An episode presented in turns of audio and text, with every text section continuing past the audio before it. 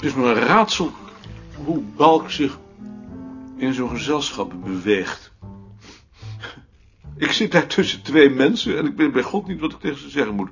Terwijl iedereen geanimeerd met zijn buren zit te praten. Waar hebben ze het in godsnaam over? Over de kinderen en de kleinkinderen. Ja. Hm. En die heb ik dus niet. Hm. Dus dat zal het wel zijn. Hallo, Frits. je zit nog te eten? Ja, maar dat is het niet. Als het jou niet in het tenminste. Ga zitten. Ga je gang. Ik zou dus kijken naar die boedelbeschrijvingen. Maar dat is wel heel veel. Wat is veel? Alleen het notarieel archief is al een paar honderd meter. En dan moet je ze dan nog uitzoeken. Mm, hoeveel tijd zou je daarvoor nodig hebben? Zeker een paar maand. Alleen voor het uitzoeken dan. En hoeveel heb je dan? Alleen voor de 17e en 18e eeuw toch wel 50.000. 50.000. En dan zijn ze gemiddeld toch wel zo'n 20, 30 bladzijden. Dus dat is al gauw een miljoen fotocopieën. En hoe kom je aan die aantallen? Ik heb ook maar even het Weeskamerarchief bekeken. Dat bestaat voornamelijk uit boedelbeschrijvingen. En daarin zitten er alleen voor de eerste 10 jaar van de 18e eeuw al eh, 3000. 3000. Meesterlijk. We zouden natuurlijk een steekproef kunnen nemen. Nee, stekproef is niks. Alles of niets. Hoe lang zou je over de bewerking van 50.000 poedelbeschrijvingen doen? Dat heb ik ook uitgerekend. Hmm. Mm. Mm. Eh, zo'n boedelbeschrijving bevat gemiddeld zo'n 200 voorwerpen.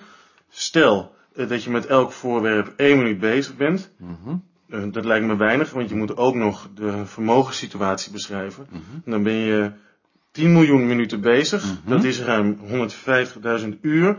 Dat is bijna 4000 weken. Dat is 100 jaar. Mhm. Op het gemeentearchief eh, zijn ze eraan begonnen. Daar hebben ze met 25 man in 15 jaar 3000 boedels geklapperd. Dat is overigens wel 375 jaar. En misschien was het ook wel 15 in 25 jaar, maar het waren geloof ik werkloze hoofdarbeiders en die zijn natuurlijk niet zo eh, gemotiveerd. En wat stel je nou voor? Ik zou zelf eigenlijk liever met een wat kleiner plaatje beginnen. Deze bijvoorbeeld, Waarom best? kom ik vandaan. En daar heb ik ook mijn doctoraalscriptie over geschreven. Goed, nou, neem deze maar. Maar bekijk dan eerst wat dat inhoudt. Een stukje appel? Dank je.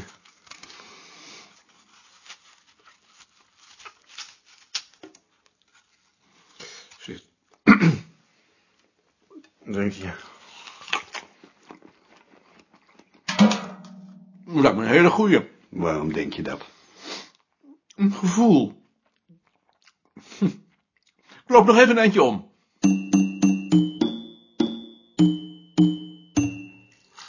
Ze zeggen dat we andere koffie krijgen. Ja. Uit Tanzania. Mhm. Maar is dat niet een communistisch land? Nee, dat is geen communistisch land.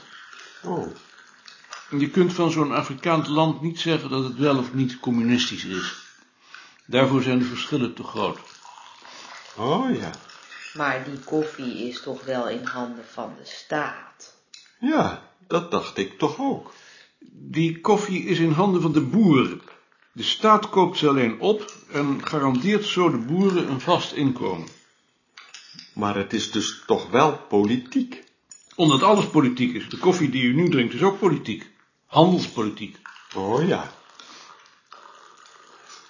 Maar waarom moeten wij die koffie dan drinken?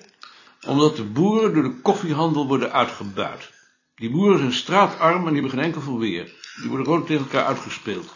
In Tanzania is de staat daartussen gaan zitten. Die beschermt ze daartegen. En als die koffie daardoor nu duurder wordt? Dan betaalt hij wat meer, maar dat komt dan ten goede aan de boeren en niet aan de tussenhandel. Dat zeggen ze, Maar reken maar dat dat in de zakken van die ambtenaren dat komt. Je steunt gewoon het regime.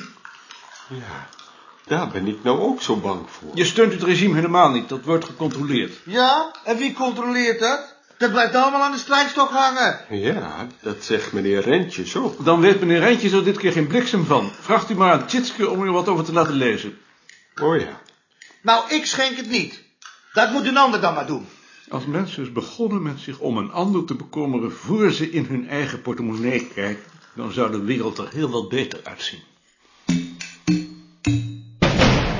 Is de deur geverfd? Wat zeg je? Is de buitendeur geverfd? Denk het. Heb je gisteren mijn verslag gevonden? Ja. Dag Lien. Dag Maarten. Maar ik heet wel Sien hoor. Wat, wat zei ik dan? Je zei Lien. Zei ik Lien? Ja, heus. Onvergeeflijk. Dag Sien. Morgen. Dag Joop. Dag Sien. Dag Maarten. Dag Maarten. Dag Bart. Dag Maarten. Dag Bart. Dag Ad. Nieuwe versie van het artikel van Rie. Meneer die inlichtingen wil over de walvisvaart. Een museum dat een tentoonstelling wil houden over bruidegomspijpen. Meneer die gegevens wil over het opbuigen van doden op planken. Een Mevrouw die literatuur wil over de bijenteelt. Magdaarten. Dag Joop. Zou jij die brief eens willen bekijken? Bij je teelt. Waar moet ik daar wat over vinden? In het kaartsysteem en anders in de kast onder bij het teelt. Dat is in ieder geval een publicatie van het museum. Dag Maarten. Dag Sien. Dag Lien. Dag Maarten. Dag Ad. Het koning. Dag. Ach, Ik kan mijn abonnement nergens vinden en ik wou naar moeder. Heb jij dat soms nog in je zak? ehm... Ja, Ach, Dat moet je toch niet in je zak laten zitten? nee. Ik zoek mijn ongeluk. Het is stom. Ja, hoe moet dat nou? Ik, ehm, ik breng het je wel even. Ja. Ad, mag ik jouw fiets even lenen? Ik heb het abonnement van Nicolien in mijn zak laten zitten. We hebben gisteravond na de vergadering teruggelopen over de dijk van Enkhuizen naar Hoorn. Nou, dat is zeker een heel eind. 4,5 uur. Eh, Ja, alsjeblieft. Dankjewel. Heb je gezien dat Rie een nieuwe versie van het artikel heeft gemaakt? Ik heb het gehoord. Is het wat? Ik betwijfel het. Ik ben dus zo terug. Ik ben net op weg naar je toe. Ik wil niet dat Joop nog langer in mijn kaartsysteem zit. Wat is er aan de hand? Ze zet alle kaarten omhoog en als ik zeg dat ze stapjes moet gebruiken, doet ze gewoon of de neus bloedt. Ik wil dan niet langer. Maar ze moeten codenummers toch veranderen? Toch niet zo. Ze kan toch wel naar me luisteren? Het is toch haar kaartsysteem niet? Ze doet het om jou te helpen. Dan helpt ze me maar niet. Ik heb toch niet gevraagd om al die codenummers te veranderen en het hele systeem overhoop te gooien? Nee, dat heb ik gedaan. Daarom. Dan moet je niet mij ook nog eens voor de gevolgen laten opdraaien. Ik moet nu even weg, kom straks bij je. Maar ik neem het niet. Dan ga ik naar Balk. Ik ben even weg, meneer de Vries. Dank u wel, meneer.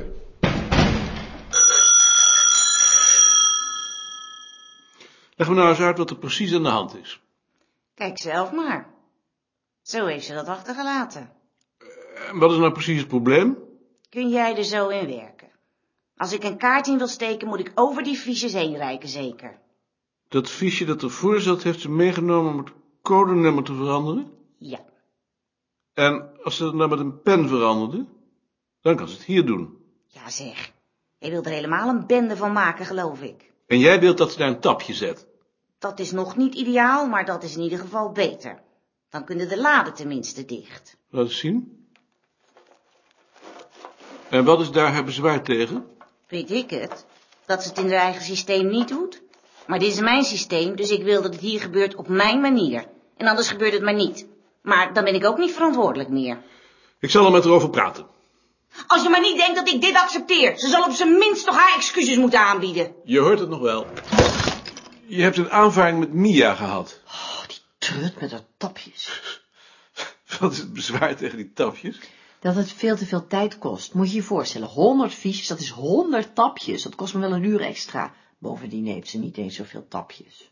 En waar moet het honderd fiches zijn? Ik kan toch niet telkens met één fiche de trap op en neer? Zou ze daar kunnen veranderen? En dan de hele tijd in dat zagrijnige smoel zitten kijken, zeker. Dank je lekker. Je kunt ook met je rug naar naartoe gaan zitten. Wat nu? Nou, als jij zegt dat ik het doen moet, dan zal ik het wel doen. Ik wil het ook wel doen. We moeten er eerst nog wat over denken. Voorlopig maar niets. Mia en Joop zijn met elkaar in aanvaring gekomen. Dat heb ik gehoord. Van wie? Van Mia. Dat is geen gemakkelijke tand. Nee. De vraag is alleen hoe je dat oplost. Voor dit soort conflicten ben ik totaal ongeschikt. Maar waar ben ik wel geschikt voor? Mag ik even? Ja. Ik heb hier de definitieve versie van mijn lezing. Wil jij die nog fiateren? Fiateren niet, lezen wel. Wanneer moet je hem versturen? Nou, toch wel uiterlijk morgen. Even kijken of ik er vandaag nog aan toe kom en anders vanavond. Heel erg bedankt. En graag gedaan. Rie, heb je even tijd om over je artikel te praten? Ja. Het is nu veel beter. Maar het is het nog niet. Wat je aan historische gegevens hebt gevonden is heel mooi. Je bent nou alleen onder invloed van je bronnen naar de andere kant doorgeslagen en hebt er een aanval op de politie van gemaakt, die er plezier in zou scheppen om die arme straatmuzikanten het leven zuur te maken. Daar is het bulletin niet voor. Er zijn geen tijdschrift tegen de politie. En als het nou zo is? Maar het is niet zo. Ik heb het niet verzonnen. De politie is het verlengstuk van de maatschappij. Het zijn boerenjongens. Ze hebben natuurlijk hun rancunes. Ze zijn voor orde en tegen alles wat afwijkt. Maar ze gaan niet verder dan de zwijgende meerderheid toestaat. Ze geven uitvoering aan wat wij denken. Dat maakt hun optreden interessant. En het interessante is dat je dat in jouw gegevens kunt zien. Je stelt vast dat er in de jaren twintig een hoofdcommissaris is die zich plotseling het lot van die mensen aantrekt en een veel ruimhartiger beleid gaat voeren. Je schrijft dat op rekening van die man. Dat is natuurlijk ook zo. Maar die man zit daar niet toevallig. Dat is een verlengstuk van de maatschappij. Dat beleid loopt parallel met een oplopende conjunctuur. Tijdens een hoogconjunctuur zijn de mensen toleranter. En dat verandert dan ook prompt weer in de crisisjaren. Dat is interessant. Dat moet je laten zien. Ik zou niet weten hoe. Door een curve te tekenen van het verloop van het aantal bekeuringen en vergunningen en van het aantal aanvragen. En die af te zetten tegen de economische conjunctuur. Je hebt toch sociaal-economische geschiedenis als bijvak gehad? Ja, wat stelt dat nou voor? Dat is toch allemaal onzin? Dat ben ik natuurlijk met je eens, maar het is in dit geval het soort onzin waar wij ons mee bezighouden. En als je die opschrijft, heb je een verdomd goed artikel. Bekijk het nog maar eens.